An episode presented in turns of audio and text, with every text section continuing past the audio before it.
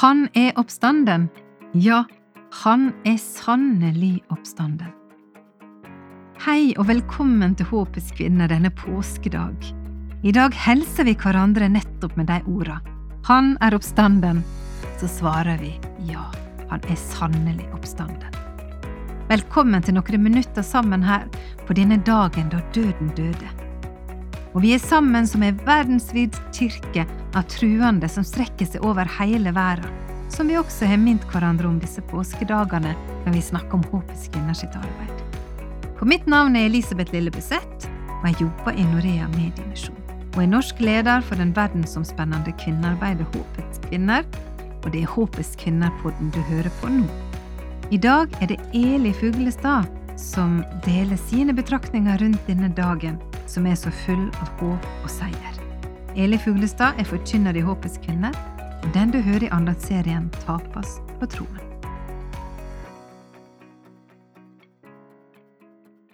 Første påskedag, oppstandelsesdagen. For en glede å få feire den! Den er som en vårdag som eksploderer med nytt liv, lys, farge og lukte. Jeg husker ett år som vi kom til kirka for å feire denne dagen. Alle vinduene var dekka med grå papir, og det var mørkt inne, sjøl med lampene tent. På et tidspunkt under gudstjenesten blei alt papiret revet vekk på likt, og lyset strømma inn i rommet. Det var dramatisk og flott, og understreka så tydelig dagens budskap. For det var en dramatisk overgang òg for disiplene denne dagen. De hadde levd noen dager og netter i sorgens mørke.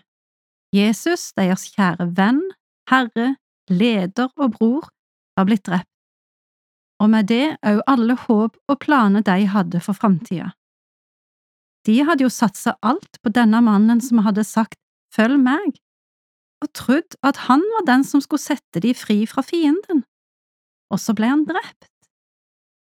Han var død og begrava. Men når denne dagen lysner, får de altså se ei åpen og tom grav, engler og sterke krefter i bevegelse som rokker ved grunnen de står på, og til slutt en levende Jesus som går igjennom alle stengsler, både låste dører og fryktsomme hjerter. De vet ikke hva alt dette innebærer eller konsekvensene av dette nye livet, men én ting vet de, og det er at døden er beseira. Da Jesus hang på korset, sa han det er fullbrakt. Soningen for syndene våre var fullstendig, og på én måte var frelsesverket fullført der.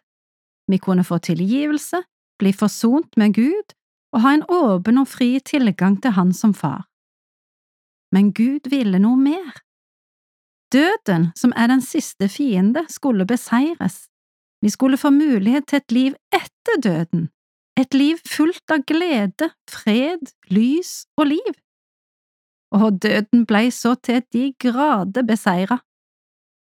Som Peter sa i talen på pinsedag, men Gud reiste han opp og løste han fra dødens vede, det var jo ikke mulig for døden å holde han fast. Tenk det, døden kunne ikke holde Jesus fast. Han hadde en kraft i seg, en livskraft, som var sterkere enn døden, og som sprengte dødens lenke. Denne krafta er òg i oss som tror. Paulus skriver i brevet til efeserne hva som er hans bønn for deg. Jeg ber om at vår Herre Jesu Kristi Gud, Herlighetens Far, må la dere få den ånd som gir visdom og åpenbaring, så dere lærer Gud å kjenne. Måtte Han gi deres hjertes øye lys, så dere forstår hvilket håp Han har kalt dere til, hvor rik og herlig arven er for de hellige, og hvor veldig Hans kraft er hos oss som tror. Med denne veldige makt og styrke reiste han Kristus opp fra de døde og satte han ved sin høyre hånd i himmelen, over alle makt og myndigheter, over alt velde og herredømme, og over alle navn som kan nevnes, ikke bare i denne verden, men òg i den kommende. Denne kraften er hos oss som tror. Jeg har erfart det i eget liv, og jeg ser det igjen og igjen i andres liv. Når Jesus får slippe til i livet og hjertet, i ånd, sjel og kropp, så sprenges de begrensningene som var der fra før. Det betyr ikke et liv uten problemer, eller et liv uten motgang, prøvelse, smerte og sorg, men alt dette ødeleggende og dødelige har ikke lenger siste ordet. Midt i alt er Jesus der med trøst og nærvær, sin fred og ord, fulle av liv og kraft som forvandler, og ikke minst gir håp. Han har makt til å vekke opp til et nytt liv alt som er dødt.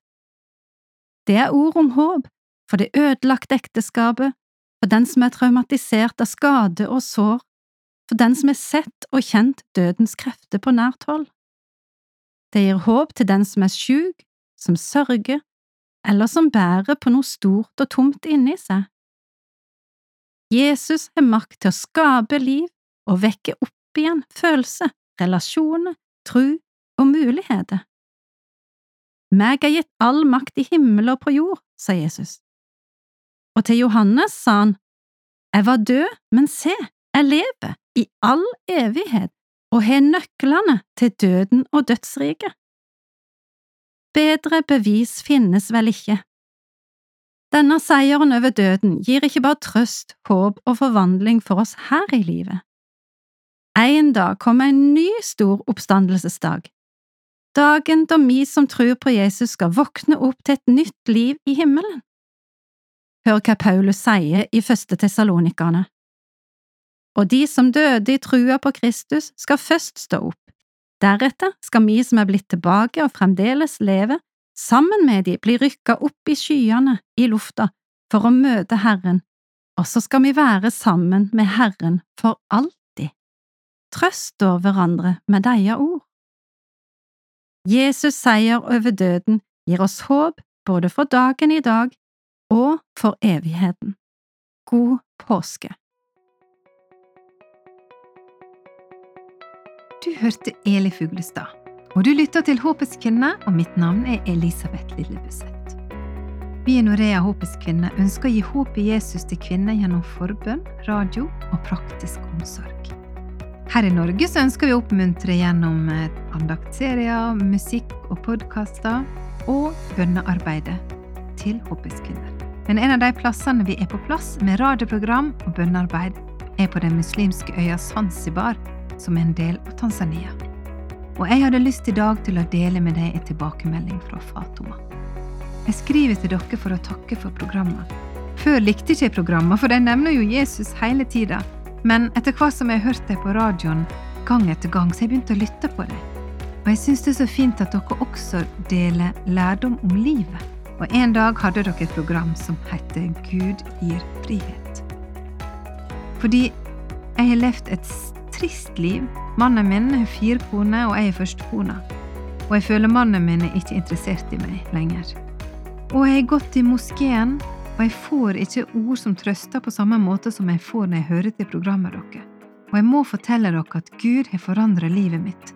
Og nå kjenner jeg ikke meg like trist lenger, for jeg kjenner at Hans kjærlighet er større enn den som min mann kunne gi meg, og det er nok for meg. Tenk på det. Hans kjærlighet er nok. Gjennom radioprogrammet Håpets kvinner så fikk denne Fatoma oppleve Guds kjærlighet. Og det er nok for deg også, som hører på i dag. Jeg veit ikke hva du går igjennom, og hva du går igjennom i din påske. Men den oppstandelseskrafta som førte Jesus opp fra de døde, kan også skape en påskemorgen i ditt liv, og hans kjærlighet er nok. Takk for at du var med oss i dag i Håpets kvinners påskespesial. Du finner programmene våre på håpetskvinner.no, på Spotify eller ved å google Håpets kvinner. Gud velsigne deg. Ha det godt.